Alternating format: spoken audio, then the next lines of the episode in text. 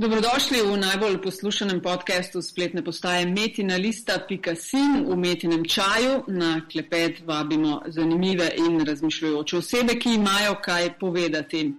Čaj kuhava skupaj z Aljažem Pengovom Bitencem, Pengovski na Twitterju, moje ime pa je Nataša Briški, DC43 na Twitterju. Hvala za ocene na iTunesih, za downloade, šere in komentarje. Fino vas je brat in imet. To je danes 16. epizoda Metinega čaja po vrsti, istočnica za debato pa nedavno objavljeni dokument Ministrstva za kulturo, direktorata za medije in sicer poročilo z naslovom Pregled medijske krajine v Sloveniji. In gostjam Ženja Lejler, vodja direktorata za medije, avtorica predgovora o dokument. Ženja, živijo. Um, da začnemo na začetku debato o tem, kaj ste delali, mogoče zakaj ste se tega uh, dokumenta lotili in kakšni so uh, odzivi na njega. Ja, prvi uh, pač naš razlog, zakaj se tega lotimo, je bil ta, da tega do sedaj še ni bilo. Iz javno dostopnih podatkov in evidencije tega je teh podatkov zelo veliko, vendar nikoli niso bili zbrani na enem mestu.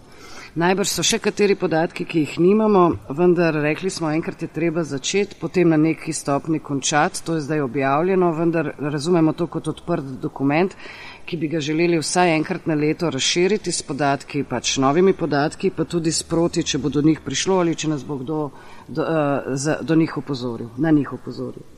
Uh. -huh. Ampak kdo pa je dal tisto idejo, kdo je bil prvi? Se je to s tabo začelo, ko si prevzela direktorat? Je, zakaj tega prej ni bilo? Zakaj prej ni bilo, ne vem, ampak kot smo lani poleti pisali nacionalni program za kulturo, smo seveda morali narediti tudi nekaj v medijih in prvo, kar sem vprašala, je, ali obstaja kakršna koli analiza ali podobno analizi, kakšno je stanje v medijskem prostoru v Sloveniji. Odgovor je bil ne. In sem, re, in sem si dejala, potem pa moramo mi te podatke vsaj zbrati. Mi, moram priznati, nismo sposobljeni, da bi lahko vse te podatke analizirali.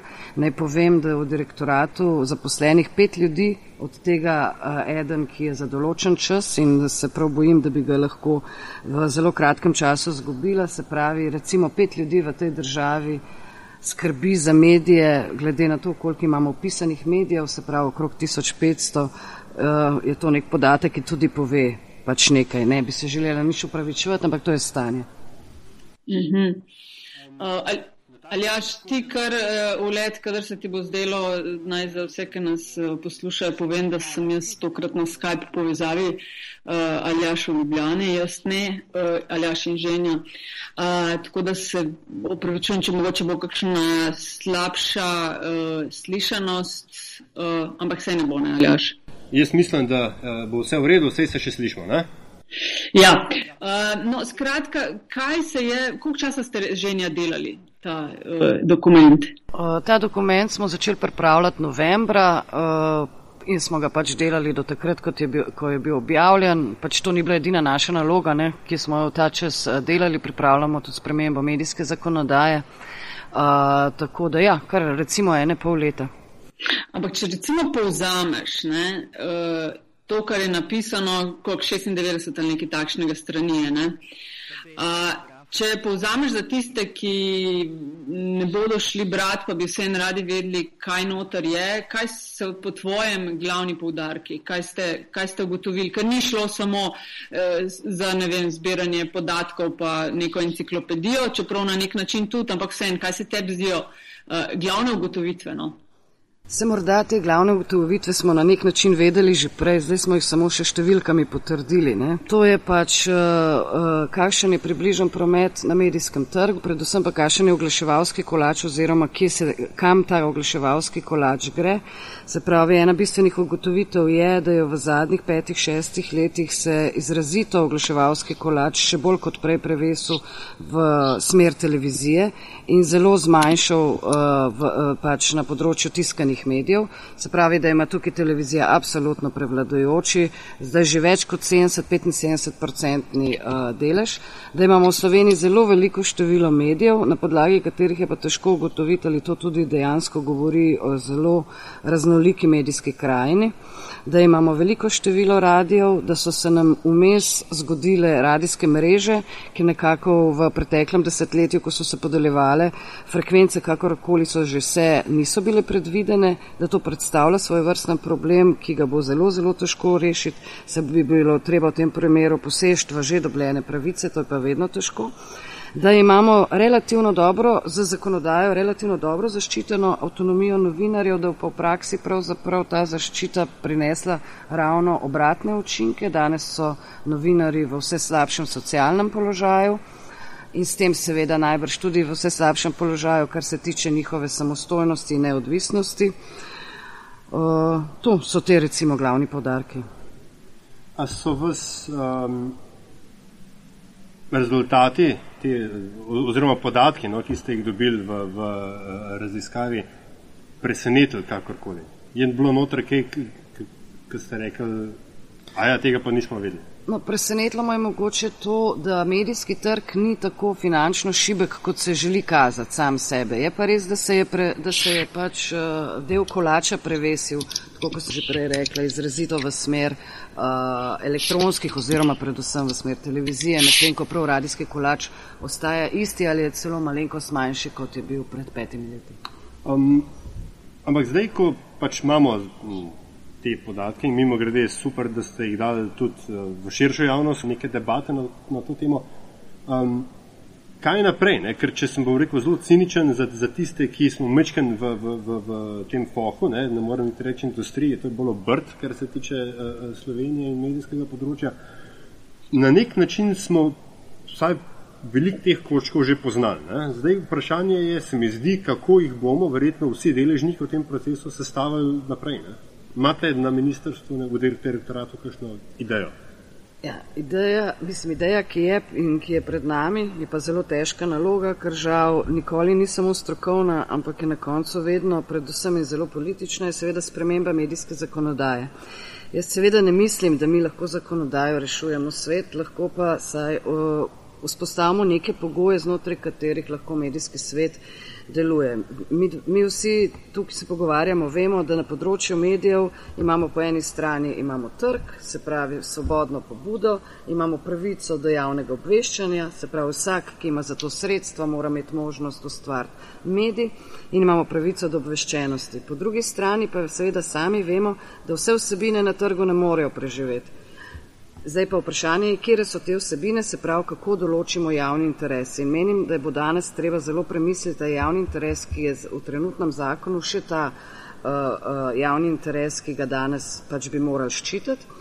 Uh, treba bo najbrž tudi malce redefinirati sam pojem medija. Uh, mi se tu recimo soočamo z velikim številom nekih občinskih medijev, ki so na nek način javni mediji, ker so sofinancirani strani lokalnih skupnosti in občin, torej iz proračunov, z davkoplačevalskega denarja, obenem pa so to izrazito politična trobila oskov, oskega kroga pač neke lokalne politike in tako naprej. To so vprašanja, ki jih bo treba v, z novim zakonom absolutno rešiti oziroma nekako regulirati. Treba je pa vedeti, da regulacija lahko vedno prinese tudi nasprotne učinke. Ne? Sliši se super, bomo regulirali, pa oglaševanje, pa koncentracija v medijih, pa vse bomo regulirali, ampak včasih to prinese popolnoma nasprotne učinke, zato je treba zelo paziti, kaj so tiste stvari, ki jih je treba regulirati in ne.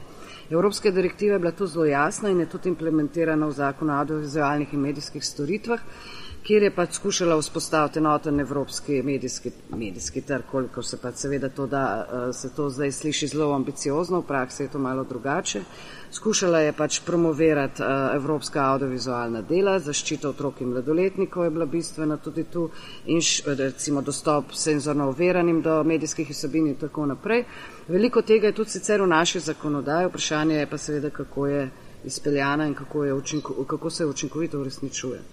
Ker um, se mi zdi, da smo v Sloveniji, predvsem področje elektronskih medijev, na novo odkrivali ne, v tej novi, novi svobodi. Tiskani mediji imajo vendarle nek poseben kulturen, družben, kakršen koli status. Tudi tud se mi zdi, da se politika in stroka se predvsem s tiskanimi mediji ukvarja. Ko, ko, ko, ko rečejo, kakšen je položaj medijev, najprej razmišljajo o časopisih, pa pa v revijah.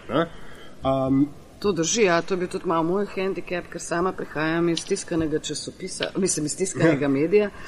Uh, in vmes vemo, da se v zadnjih desetih letih pa se je zgodilo na medijskem področju skoraj toliko, kot se od začetka mm. recimo medijev ali novinarstva. Uh, na, v svetovnem merilu. Se pravi, tehnologija nas je nekako prehitela, zakonodaja pa te tehnologiji in vsem tem možnostim, ki jih danes pač omogoča, še ni čisto dobro sledila. Zato pa tudi imamo te probleme, kot jih imamo. Uh, Uh, vendar, kot zdaj, pred enim letom, še nisem imela tega v pogledu, zdaj vidim, da je pri nas poli, pač predvsem politika vzpostavljala neko že zatečeno stanje. Mm. Ves čas se so, so se dogajali popravki zakonodaje za nazaj, ni, nihče ni ne razmišljal za naprej, predvsem pa so bili te popravki, mi moramo vedeti, da pač vi sami veste na področju radija, vas, ste najbrž bolj poznate, da imamo tu dve močni mreži, ki sta se in nekaj lokalnih, duše delujočih lokalnih uh, programov, ki so zelo pomembni za politično uh, delovanje strank, še posebno v predvolilnih bojih, mm. govorimo o uh, pač lokalnih ali državnih volitvah.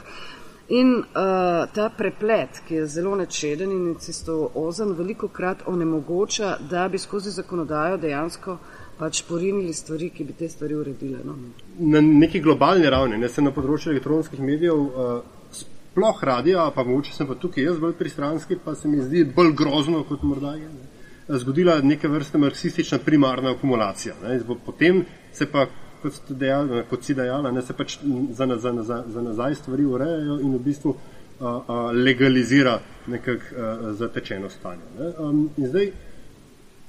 zato hočem v bistvu zdaj napeljati na, na to, da vendarle to dilemo razumem, ne? ampak po drugi strani ne, se je pa tudi ta del elektronskih medijev že davno premaknil v, nekega, v nek svet digitalnega, pa nekih spletnih strani in, in recimo bolj kot sam problem radijskih mrež, ne, ki a, moja ocena je, da na nek način se bodo ali spele ali pa pojedle same sebe, ker je to neke vrste ponzijeva schema, ne more se večno futrati. Ja, ampak so pa, po, pro, eh, so pa po, posledice trga, no, no, trg jih je gotovo, am, ampak se strinjam. No. Uh, hoč, hočem reči to, da imamo pa zdaj en cel drug spektr, ki se odpira. Ne? In sicer to so pa, bom rekel, kvazi medijskih spletnih strani, ki imajo vides medija, ki, ki, ki se celo delajo, da dajo vsebine, ne? ampak vendarle to ni medij. In, in spet, če si že omenila uh, um, pač volitve, ne, ravno zdaj v tem predvoljivnem času, ne, ne glede na to, koliko volitev bomo imeli naslednjih naslednjih pol leta, se te spletne strani pojavljajo kot gobe podeživne. In, in, in za, za eno samo funkcijo in to je promocijo točno določene politične opcije. Tako, čist, tak, moj input, jaz tukaj recimo vidim dosti večji problem za prihodnost kot neke mreže, ki pač imajo neko omejeno politično korist. To je seveda zelo težko vprašanje, ker najbrž tu misliš pač recimo na spletne strani raznih strank, ki na nek način delujejo kot mediji, pa ne, niso mediji. Sploh ne, tukaj še celo vemo, kdo je zadaj. Okay. Govorimo o, ne vem, spletni strani, ne vem, ki ima neko generično ime. Dajmo, no, če sem že Nataša Klele, pa če... Ja, kar poveš. Tržičam.si, uh, uh, ki po moji oceni ima pač točno določeno agendo zadaj. Uh, nima, ker recimo kolofona, ne ve se točno, kdo zadaj stoji poimensko, ne ve se, kdo je uredništvo, ampak ima pa vide z medijem. Uh, uh, in še cel kup takih je, zdaj ne bom zdaj krivice delal s tem, da samo, enga, uh, samo en, eno omenam. Uh, uh, in se mi zdi, da slovenski medijski prostor, ki je uh, navajen konzumirati čisto vse, kar kdo vam ga da, nekritično, ne, uh, dosti večja nevarnost. Ne. Jaz se ne bi tako podcenjevala uh, slovenskega potrošnika medijev, uh, drži pa, da edini odgovor ali pa eden od odgovorov na te, na te dileme je seveda, da so javni mediji, ki pa jih imamo, toliko kakovostni in tako dobri, da, seveda, da upravljajo tisto funkcijo, ki blaži pač te, rečemo, nepravilnosti ali uh, devijacije na medijskem trgu. Ne? Uh, v zakonodaji, pa je zdaj, ravno smo dobili recimo Barbara Vernik, ona se zelo veliko ukvarja pač eh, z možnostjo ustanavljanja medijskih zadrug in tako naprej, obenem pa tudi seveda zelo dobro pozna problematiko občinskih uh, medijev, kot uh, sem prej omenila. Ne? In ona je pač dala predlog, da bi recimo občinske medije enostavno jim ne priznali statusa medijev. Moj odgovor je bil, čim nimajo prestanega statusa medijev, za njih tudi ne veljajo neka pravila. Vi ne morete uveljavljati pravico do odgovora in popravka in tako naprej. Se pravi, to so res težke stvari, ki jih bo treba predebatirati v javni debati, kako to skušati regulirati do te mere, da do tega ne bo prihajalo. To se meni zdi, uh, ženja, kar se si sama to omenila, no, kar precej, precej ambiciozna naloga. Ne. Eh, tako, kar si omenila, ta javni interes uh, medijev in v medijih. Men, jaz imam občutek, pa verjetno se to res dogaja, da ta javni interes se menja s tem, kdo je na oblasti za res. Ja, to je pa pač tudi žal posledica veljavnega zakona, ki je nekak javni interes razumel kot eh, politično uravnoteženo uh, poročanje o opoziciji in koaliciji, ali kako že piše v zakonu. In še to se, govorimo samo o strankah, ki so v parlamentu, se pravi, je že tu pozabljen, že samo s to dikcijo je pozabljen uh, v spektr uh, politični, ki deluje zunaj parlamenta. Se pravi, v Sloveniji mi uravnotežen prostor, ne, medijski, razumemo kot enako število desnih, tako imenovanih desnih in tako imenovanih levih medij. Se pravi, to je optika, ki bi jo bilo treba absolutno obrniti na glavo, ker ne gre za to, Mi, mi si moramo prizadevati za kakovostne medije, za nepristranske medije, ki pa so seveda lahko politično nazorno, kar želijo, to je njihova pravica. Ne? In a, to, to neko malce nasilno uravnoteževanje ni pripeljalo popolnoma nikamor, ker medijska slika danes v številu nekih medijev, ki jih recimo širša javnost prepoznava kot bolj naklonjene slovenski tako imenovani levici ali tako imenovani desnici, ni nič drugačna, kot je bila leta 2007 oziroma 2006, kot bi ta zakon sprejet oziroma no, nastajal. Jaz se tukaj ne bi strinjal, jaz bi rekel, da je a, a, a, bil namen to vrstnega rekel, urejanja medijskega prostora dosežen. Popolno zamegljevanje resnih, neresnih, kredibilnih, nekredibilnih, zvedenje na nek skupni imenovalec in potem neka, neka apatija upor, medijskih uporabnikov, ki na končni, končni fazi, tako kot v politiki, ne pridejo do točke, ko rečejo, ah, si so vsi isti. Ne, da, ne bi rekel, da ni pripeljalo nikamor, ne, ni pa pripeljalo tja, kamor bi si mogoče nek, nek, nek uh, um, pa vem, izobražen, da nam spet komu krivico naredil ali pa ozaveščen medijski razgledanje. Ja. Ampak jaz mislim, da tukaj ni zdaj samo kriv, da uh, pač recimo te intence, dikcije tega veljavnega zakona, ampak mislim, da je tukaj zelo, zelo veliko kriv, da tudi se za samih medij. Se pravi, predvsem na teh tako imenovanih tradicionalnih, ki so imeli in še imajo infrastrukturo, ki jo marsikdo drug nima. Eh, in ki v nekem času novinarsko-tranzicijskem niso razumeli, da se morajo pač odlepiti od svojih političnih botrov, takšnih in drugačnih, znanih, neznanih v spredju ali v ozadju. In ker tega niso storili, imamo danes takšno stanje, kot ga imamo. Se pravi, neko malce. Jaz rada rečem, da imamo mi v Sloveniji vse možne medije, samo normalnih medijev nimamo. Ne? Pa to zdaj najbrž malce pretiravam in delam komu krivico, ampak če tukaj govorim predvsem o množičnih medijih, ne, se zelo hitro vidi, žal, pravzaprav ne bom rekla, kdo stoji v zadnji za nekim medijem, ampak. Uh, se ve približno za vsakega skoraj, da v katero smer ga nese. A, moral, a bo moral lep kos slovenskega medijskega prostora odmreti, zato da se bodo stvari normalizirale? Ali se lahko transformira, je še to upanje? Če zdaj Zdaj, najbrž kot uh, direktorica direktorata za medije ne bi smela reči, ja, mislim, da bo mogel en del medijskega prostora odmreti, da se bojo stvari lahko postavile spet na, nogo, na noge. Najbrž pa je kljub vsemu en del resnice uh, v tem, ker mi moramo vedeti, da imamo tu, če govorimo o tradicionalnih medijih, vse neko kontinuiteto, ki očitno ni zmogla presežti enih stvari. Imamo nek prostor, ki je malce postan znotraj sebe. Imamo medijske hiše, ki še vedno delujejo tako, kot se je deloval pred 20 leti in niso dojele, kaj se je vmes zgodil. Nimajo odgovorov na nove poslovne, ne znajo uh, pač se približati nekim novim poslovnim modelom, ne razumejo pomena spleta ne, uh, uh, in tako naprej in se ne znajo razvijati. In to pač taka podjetja oziroma mediji bojo najbrž vse kot prej pač šli iz uh, zgodovine medijske slovenske. Potem bo morda nastal nek obupno prazen prostor, ki pa sem prepričana, bo v končni fazi pre, eh, pre, eh, prinesel potrebo potem, da dobimo spet neke kakovostne množičnejše medije. Ter, Jaz mislim, da bo to se moralo zgoditi. Nataša, no, če mi grede, če smo zdaj malo, bomo samo ena na ena, pa da je ta drug zraven. Veš kaj mene narit vrga zadnjič? A, ko je bila ravno na ministrstvu za kulturo, no, ta debata o prekernih novinarjih, ne, mi je bila, mislim, tudi v mlajši generaciji, če sem jaz to prav razumel celo zgodbo, ta refleks, da mora država nekaj narediti. Ne. In potem zdaj ne vem, predvoljivna ali ne, ne ampak ja, izjava ministra Pličaniča, da ne gre pa 10 odstotkov od RTV prispevka za, kaj že, za plačen novinar. Za plačen novinar. A, mislim, tako, a, a gremo lahko, š, ne vem, kako ti na to gledaš, Nataša, meni se zdi, da je tako uno, a gremo lahko še bolj v napačno smer. A veš, da jaz na tisti debati uh, nisem bila, mal sem po Twitterju ujela, kaj se je dogajalo, ne? ampak uh, točno to, o čemer ti govoriš, pa kar sem recimo tudi eh, našla v tem poročilu oziroma dokumentu, je ena stvar, ki mene eh, zelo zanima, kar se medijev tiče in sicer to vprašanje solidarnosti. Tudi. Po eni strani ja, kdo naj rešuje ali pa kdo je odgovoren za postavljanje medijev, ne? po drugi pa se mi zdi, da se vse, kar delamo v medijih in novinarstvu, po eni strani jemlje kot nek enoten blok. Tega enotnega bloka ni in ga tudi nikoli ne bo, morda pa kdaj bo. Mislim, enoten blok kot recimo ena cehovska pripadnost. V Sloveniji se bojim, da smo se tam v sredini 90-ih, eh, pa celo malo prej, zelo hitro razdelili.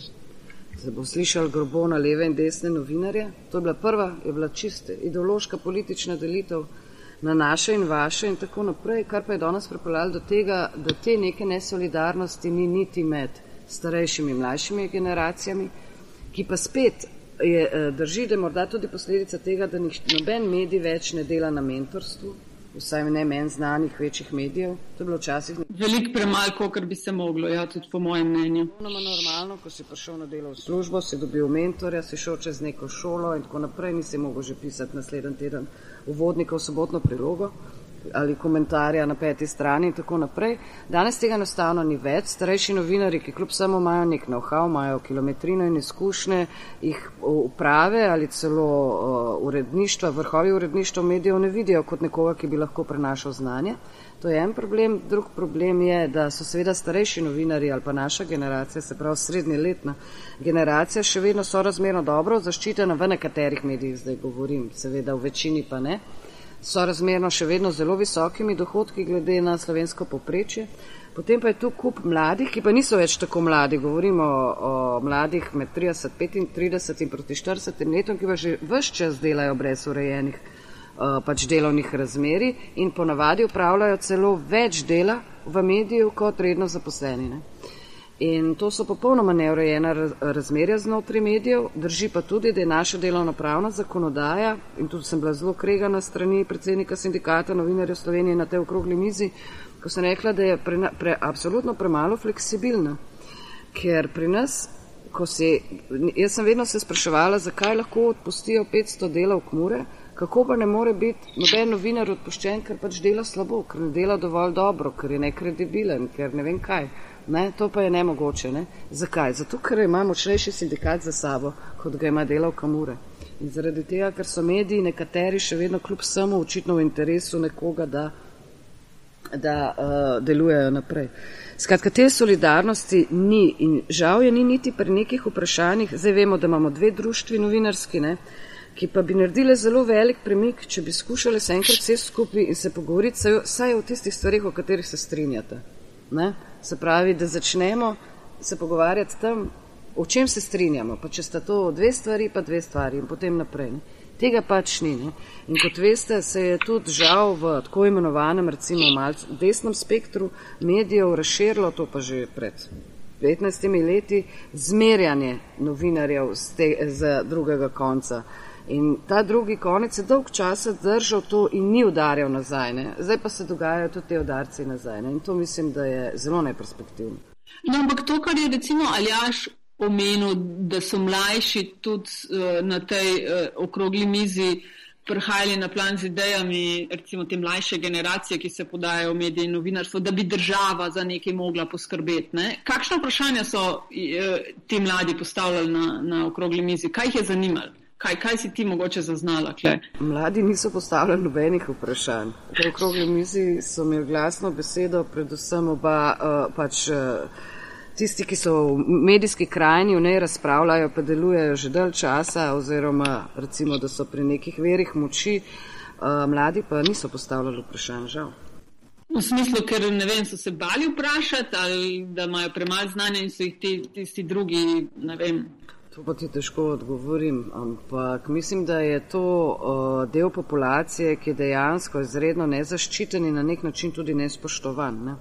Mhm. A veš, kaj me še zanima, ko vse čas to razpravljamo? V tem dokumentu je recimo jasno vidno na teh grafikah, ki jih imate noter, porast števila medijev. Vseh vrst. Radio, TV, časopisi, revije in splet. Koga, kaj so pravzaprav kriteriji, da bi se nekomu reklo, reklo medij? Ne? Tako, kot je eh, Aljaš tudi vprašal, a bo mogel en del nekako odmreti, oziroma kako sploh vedeti, kaj je medij, kaj ne, koga med za medij, koga ne. ne. Jaz vem, da če se pač želiš registrirati, se moraš prijaviti, a se um, potrdi vsazga. Ker veš, danes s temi novimi eh, tehnologijami, novimi omrežji, blogi in vsem, to, to vse so zelo powerful mediji. Ne? Nekdo ima na svojem Facebooku uh, toliko sledilcev ali pa na svojem Twitterju, da je v bistvu njegova oziroma njena branost večja kot od marsikašnjega. Eh, medija registriranega. Ne? Želiš reči, da se morajo Twitterji absolutno prijaviti v razvit medijev? ne, daleč od tega. Ampak uh, vsem pa je, se mi zdi malo drugačna krajina danes, kot je bila 10-20 let nazaj. Ne? Si sama rekla, da nekako ne dohajajo zakonodaje realnega stanja. Ne? Hkrati pa se, veš, resno jemlje vse, mislim, resno. Eh, če dalje več in konkretneje so recimo politiki na teh družbenih omrežjih, kjer se povsem objave, povsem enak štejejo in prav je tako kot recimo kjerenkoli tradicionalne medijev. No, to sicer drži, ampak vse en blok nekega politika je vse nekaj različnega od medija. Ne? On je pač izkoristil, če govorijo o politiku, pač tehnologijo, ki mu omogoča, da on svoje voljivce nagovarja, pač lahko vsak dan preko svoje spletne strani. Ne? To pravico pa. Ok, ampak kaj je kriterij, da recimo nekomu podelite status, ok, ti pa si zdaj medij? Ker verjetno to, da pet prijateljev imenuješ v svoje uredništvo, to ni to, ne? Tu so uh, Ministrstvo za kulturo, ko upisuje medije, v razvid se ne ukvarja z vsebino. Ne? Ampak se ukvarja, tam so našteti pogoji, moraš priložiti programsko, vsebin, uh, programsko uh, kaže, zasnovo. Pač taksativno so našteti pogoji. In če ti tem pogojem ustrezaš, ki so bolj formalne kot vsebinske narave, te mi pač ministrstvo je dolžno upisati uh, tak medij v razvit medijev. Uh mhm. -huh. Zdaj razmišljamo, je ravno obratno, ko v bistvu tega ne pozna nobena zahodnoevropska država pač tega upisal, razvit, ki je pogoj, da ti sploh lahko začneš delovati. Ne? Pač ustanoviti mediji mora biti. Kako misliš, nobena evropska? Ne, ne, mi smo prvaki. Ker ga imamo mi ne. Ker pri nas se moš ti upisati, razvit, dobiti potrdilo, da si upisal in potem lahko štartaš z medijem. Ne? Je na nek način popolnom nasprotju z neko svobodno gospodarsko pobudo. Ne? Tako da mi razmišljamo tu ne, da bi ukinili razvit medijev, ampak da bi ga naredili bolj kot en tak pregled, ki bi bil vse čas na voljo uh, za vsemi podatki o lasniških strukturah in tako naprej. Se pravi, upam, da bomo za to dobili dovolj denarja, razvili bi radi aplikacijo, kjer bi se ti moral seveda opisati kot medij, ampak ni, uh, recimo dva meseca po ustanovitvi medija bi se moral pisati, ob enem bi imel neko kodo in bi moral vse čas podatke osveževati o svoji uh, pač, vem, poslušanosti, gledanosti, kdo je tvoj lastnik, uh, na vzkrižje interesov in tako naprej in da bi bilo to javno dostopni podatki. Uh, drugač pa se pravim, zakon o medijih določa, kaj moraš imeti, zato da se lahko kot medij opišeš in to je to. Koliko časa bi se vama zdela na mestu dolga razprava o novem zakonu o medijih. Koliko časa bi po vajem to moglo trajati, da bi lahko kvalitetno ocenili, kaj imamo, kakšni so trendi in kam bi se eh, želelo iti. Ne zdaj, ali se to dejansko bo na koncu kakšne spremembe sprejele, čeprav so nujne, ampak koliko časa mislite, da je eno leto, dve leti, da bi o teh stvarih debatirali ali par okroglih mis? Ja, zdaj tako. O, dva zakona, eden je, bil, eden je šel skozi parlament, uh, pa bil potem na referendumu zavrnen, drug je prišel pa do prvega branja ali kako že v državnem zboru. To sta o, zakona, e, prvi RTV in drugi v medijih za časa ministrice Majde Širca. Pred njima je bila dvoletna, dvoletna razprava javna, ki je potekala na različne načine. Uh, vem, da je takratna ministrica ustanovila nek gremi ljudi, ki so se sestajali, ampak so na koncu ugotovili, da se nič ne more zmeniti. Eh, skratka, precej neoperativno je vse to postalo. V eni fazi mora pač država oziroma v tem primeru pristojno ministrstvo prevzeti odgovornost in se odločiti, da gre v tako in tako uh, spremembo in poslati seveda za, uh, zakon po proceduri v državni zbor. Uh, Jaz uh, se tudi zato smo se na direktoratu odločili, glede na to, da je neka dvoletna razprava že potekala, da so nekaj glavne stvari detektirane, da bomo napisali oba osnutka in jo dali v javno razpravo. Se pravi, ne bomo šli od javne razprave k osnutku in potem spet v javno razpravo, ampak bomo napisali osnutek zakona. Nekje bomo celo dali možnost varianta A, varianta B in potem pač uh, odprli javno razpravo. Zdaj pa minimalna javna razprava, ki je zakonsko določena, je pol, en mesec, maksimalne meje pa ni. Seveda je pa to zdaj to zelo odvisno od politične konstelacije v tej državi, za katero povemo. Da se lahko spremeni. No, če, ti še, če ti še jaz povem, jaz mislim, da je a, Nataša vsaka javna razprava tukaj. Zelo me, mečken radikalen provokativno, ampak odveč. In to zato, ker ob, pri obstoječih deležnikih, ki se skoraj da ne spreminjajo, vsaj tistih, rekel, ki, ki imajo neke, neke uh, vzvode moči, uh, so te pozicije, tukaj ženja, mislim, da danes že ne dvakrat rekla, v bistvu se ne spreminjajo. Njihova stališča so bolj ali manj skozi znana in lahko, tako bom rekel, z 90 odstotno verjetno gotovostjo vnaprej napoveš, kakšne bodo njihove pozicije na začetku in na koncu te javne razprave. Uh, tako da, če me vprašaš, se mi zdi, da karkoli se premakne, bo boljš od tega, kar imamo zdaj, zato ker zdaj smo res netične miš, zdaj smo po eni strani uh, mediji popolnoma, mislim, preveč regulirani, po drugi strani deregulirani na nekih območjih in področjih, ki bi morali biti.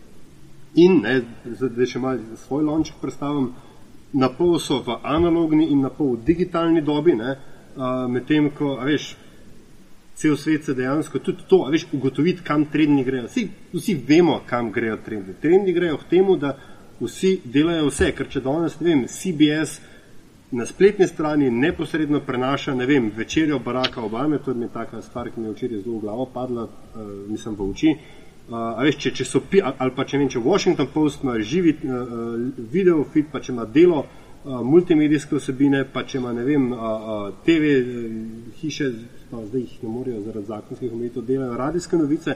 Veš, v, v, v ta preplet medijev v končni fazi bo tako, da bomo res vsi delali vse. Ne?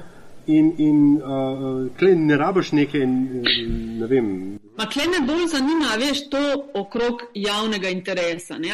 Ti misliš, da bi bilo boljše ali pa da je na mestu, da, je, vem, da se zbere eno skupino petih, desetih, petdesetih, ne vem, strokovnjakov in strokovnjaki iz tega področja, ki prinesejo neko rešitev na mizo, to nekdo sprejme, ker se bojim, veš, to spet bo, pa se bo zamenjala oblast, bo una oblast spet svojih petdeset ali pa deset jih našla in se spet ne bo nič zgodilo, ali se bo pa spet na glavo vse postavljalo. Mislim, sploh jaz kot politolog absolutno protestiram proti ideji o strokovnih odločitvah. Odločitve so končni vazi politične. In, in mislim, da je vendarle čas, veš, da na neki strani da, da, da politika najde to moč ne, v sebi, ki bi jo, po mojem mnenju, morala imeti, da reče, tako le bo. In tukaj ne, je treba zdaj ja. znati, da je desna opcija v Sloveniji to moč vedno imela. Uh, mislim, jo, jo je vedno našla, ker oni so bili tisti, ki so nekako spremenjali ta medijski prostor in ga oblikovali po. Ona je imela tudi politično, kako se temu prosti, da ja. te prekinjam, uh, medijsko politiko. Ne? Ja, no, Ona je imela, to, medij, ja. če je kdo imel, je imela uh, desnica medijsko, ali, pač medijsko ali, politiko. Levic, levici je bilo vedno kao neki naroden. Ne? Ja, za to, kar vidva, to, o čemer vidva govorita, je, da bo leva opcija, recimo najmočnejša, bo pač ona določila, kaj je javni interes medijev, ko bo desna, bo desna. Jaz pa govorim o tem, da rabimo eno strateško odločitev, da tudi sama država je kle, kjer je, ker nimamo osnovnega konsenza glede ne broja različnih stvari o tem, kje hočemo biti čez 20, 30, 50 let. Pa je čisto jasno, da bo eni malo bolj po levi šli eni malo bolj po desni, ampak da se ve, hočemo priti tja. Glej, ne, jaz mislim, da država tukaj nima kaj določa strateške usmeritve. Mediji, ja, kdo pa? Ja, mediji sami, ti moraš enostavno narediti prostor, v katerem se bodo mediji, grdo rečeno, poklali med sabo, kjer se bo ugotovil, kdo zna in kdo ne zna, ker problem dan današnji je, da se ne, spet zaradi ne samo političnih, tudi gospodarskih interesov ohranjajo mediji, ki ne znajo. Sam ti imaš več te neke javne medije, pa imaš privat medije. Interes privat medijev je mlatenje keša. Samo en medij je zares javen in to je nacionalna, nacionalna televizija z njenimi regionalnimi centri. Vse ostalo, govoriti o javnem interesu, je brez zveze in je škoda časa. Ja, ampak vse ostalo obvladuje podjetja, ki so daleč od tega, da bi rekel SP. Ja, prav, ampak dajmo si to priznati. To tudi vemo že. Ja, in, in ne vem, veš, če, če ima vem, Time Warner polovico ali koliko ima četrtino ameriškega medijskega prostora, pa lepo živijo, pa imajo, ne vem, ne, pa se mreže dnevno kolijo za gledalce, ne vem, zakaj, a veš, ne bi Veš, kaj sicer po številki res en javni medij, ne? ampak ko daš vso poslušanost, velikost, moč, je to za ne vem, 200 malih radijskih postaj en, ne vem, eh, radio Slovenija. Ajde, recimo. No. Uh, ne, gled, viš, hočem reči samo to, da se mi klele zdaj ukvarjamo z vprašanji, ki, ki so, bom rekel, skoraj akademske narave. Demo se, se delati, da teh vprašanj ni in se mi zdi, da kar naenkrat pridemo do pravih dilem. Ajš in sicer osnovno samo, kaj je medij in do kere, do, do kere točke ga reguliramo. Javni interes pustimo, po mojem mnenju, nacionalni radio televiziji in to je to. No, vse, ampak ti, če te prav razumem, praviš, kaj je medij. Ko bojo levi na oblasti, bojo, kdo bo pol določil, kaj je medij? Mi dva, e, tiste leva oblast, desna oblast. Uporabniki, ne moram več govoriti samo o gledalcih in pravcih. Uporabniki bojo, kaj je medij, rekli modrijani pa lepote Slovenije. Ja, glej, do neke točke je treba tudi priznati, kaj je Nataša Pirsmusa zadnjič rekla, če to 30 odstotkom ljudem paše, je bi ga jim paše.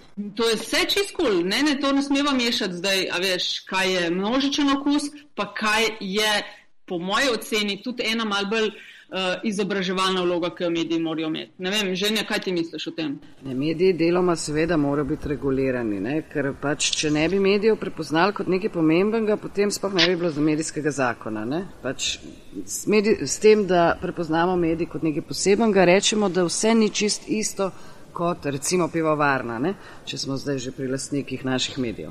Ne? To sigurno deloma morajo biti regulirani. Res pa je, da je treba ločiti, kaj deluje na trgu in kaj je javna služba na področju medijev. Tu ima Ljaš prav, mi imamo javno službo na področju medijev, RTV Slovenija in seveda delamo tudi Slovensko tiskovno agencijo, ki je tudi sofinancirana strani uh, pač iz proračuna deloma. Deloma pa pač služi tudi sama. In na, naša naloga mora biti seveda zelo natančno predeliti, kaj je ta javna služba, ki jo RTV Slovenija mora opraviti in tam pač uresničevati javni interes na področju medije, medijev, ne? ki morda ni vedno najbolj uh, uresničen tako, na način, kot bi moral. Pri ostalih medijih pa se mora seveda država odločiti, a je zdaj RTV Slovenija dovolj in nas nič drugega ne zanima, ali pa morda ni dovolj in je kljub, treba, kljub temu treba podpirati neke vsebine, ki jih trg pač ne zmore. To, so to vdaje ali članki ali kakorkoli o kulturi ali so to izobraževalne vdaje in tako naprej. In tukaj država lahko pa z državnimi pomočmi, čisto dovoljenimi, pomaga k nastajanju takih programskih vsebin. Način, kako pa se danes podeljuje državna pomoč, pa je zelo dober, da je Slovenija tako mehna, da se ne preukvarjajo preveč s tem, ker bi plačali kazen, ker na ta način se državne pomoči, kot jo mi podeljujemo, ne sme podeljevati. Mislim, da nam malo časa zmanjkuje. Ja, um, a veš kaj, še eno stvar sem rekel, da zihar moram pa vprašati. No, uh, ti Lenja si iz uh, časopisnega medija um, in si sama rekla, mogoče mal pristranska. Kle, uh, notor sem v tekstu, v dokumentu našla zapisano, da je informativni tisk glavni vir kakovostnih prispevkov. Si ti imela kaj pri tem? Na podlagi česa smo prišli do te ugotovitve? Ker jaz, recimo, velikrat vidim tako, kakšne tri četrtine vsebin copy-paste STA-ja. Ja, to je zdaj absolutno stanje, ki je če dalje bolj prevladojoče. Menim pa, da je tradicionalno gledano so seveda časopisi tisti, ki so predstavljali, pa deloma še predstavljajo, morda pa ne pri nas, tisti segment načina produkcije medijskih vsebin, ki je nek temelj za vse ostale. Ne? In iz katerega črpajo tudi ostali, uh, uh, veliko krat črpajo tudi ostali mediji. Uh, zaradi tega, ker je način produkcije časopisa bil seveda drugačen, dokler ni bilo spleta, ker je zdaj tudi tukaj se morale sproti hiteti in tako naprej, je, za, je dopuščal več časa, je dopuščal več analize, je dopuščal več obdelave in morda manj uh, uh, ni bilo treba tako senzacionalistično ali aferaško. Pač, A tako kot TV? Tudi televiziji ne bi bilo tako uh, senzacionalistično aferaška, uh, kot je pri nas katera. Kak še vedno globoko verjamem, da je pisana beseda nek, ampak se pravim, tu sem jaz malo pristranska. Ja, se jaz sem pa za na račun televizije malo pristranska. Uh, no, pri tistem, kar si govorila tem medijskem pluralizmu, veš, jaz imam ta občutek, da res imamo več vsega kot kdajkoli, ampak uh, tudi, da dobimo manj. Kar smo mogoče kdaj dobili. To pa mislim, da se lahko strinjam. Ja? Ne vem, ali jaš. Ah, Nataša, prva ura prvega letnika komunikologije, stopnja entropije se veča, ker je šuma vedno več kvalitetnih podatkov, ravno kvalitetnih podatkov ostaja pa enaka. Ok, krasen. Um, Ženja, uh, podcast vedno nekako zaključimo v stilu uh, neke zanimivosti, da gost, gostja pove nekaj, kar uh, mogoče večina ne ve, ne pozna, je lahko povezano z njenim, uh, njegovim delom, lahko tudi ne. Nekaj v stilu, ne vem, tell me something I don't know. A si pripravila kakšno zanimivost? Jo, sem zelo razmišljala, ampak mogoče to, da vsak, dire, vsakega direktorja za medije, ki pride pač na ta položaj in predaja posle, čaka tako rekočen seznam ljudi, ki se bodo prvi oglasili pri, nje, pri njem. In točno natančno to se tudi zgodi potem. A res? V roku enega tedna, ja, res. A je to dolg seznam? Ni zelo dolg, je pa pomenljiv. Ampak več od tega pa ne moreš. Po imenih ne moreš. Ali ja, še ti mogoče kaj? Ne, ne, super je, super. Okay. Ženja, najlepša hvala, ker si bila uh, naša gostja. Uh, zanimivo je bilo to poslušati in uh, bo zanimivo mogoče tudi uh, videti, kakšna, če se bo razvila kakšna debata o tem, kaj je medij, kdo bi, ali jaš, ne vem, če bo na Twitterju, ki je uspel v Facebooku, uh, mogoče pod komentarji, kamor absolutno ste vabljeni. Uh, vaše mnenje ne, nas zanima o tem vprašanju in vseh teh stvarih, o katerih smo klepetali z Ženjo Lejler. Uh, tako da hvala, hvala. Ja, um, če ste uživali in mora biti tudi kaj novega izvedeli ob poslušanju podcasta Met in Čaj, bomo iskreno veseli vaših tweetov, všečkov, downloadov in šerov, komentarji in predlogi, kako bi bili lahko še boljši, pa dobrodošli na infoafna metinalista.sim. Če želite ustvarjanje podcasta in vsebino metinalisti finančno podpreti, eh, povezavo najdete na spletni strani. Prisegamo, da z vašimi investicijami ne bomo financirali pornografskih kanalov, ne bomo se šli tajkunskega odkupa metinaliste in tudi ne razmišljamo o prevzemu PopTV-ja. Hvala.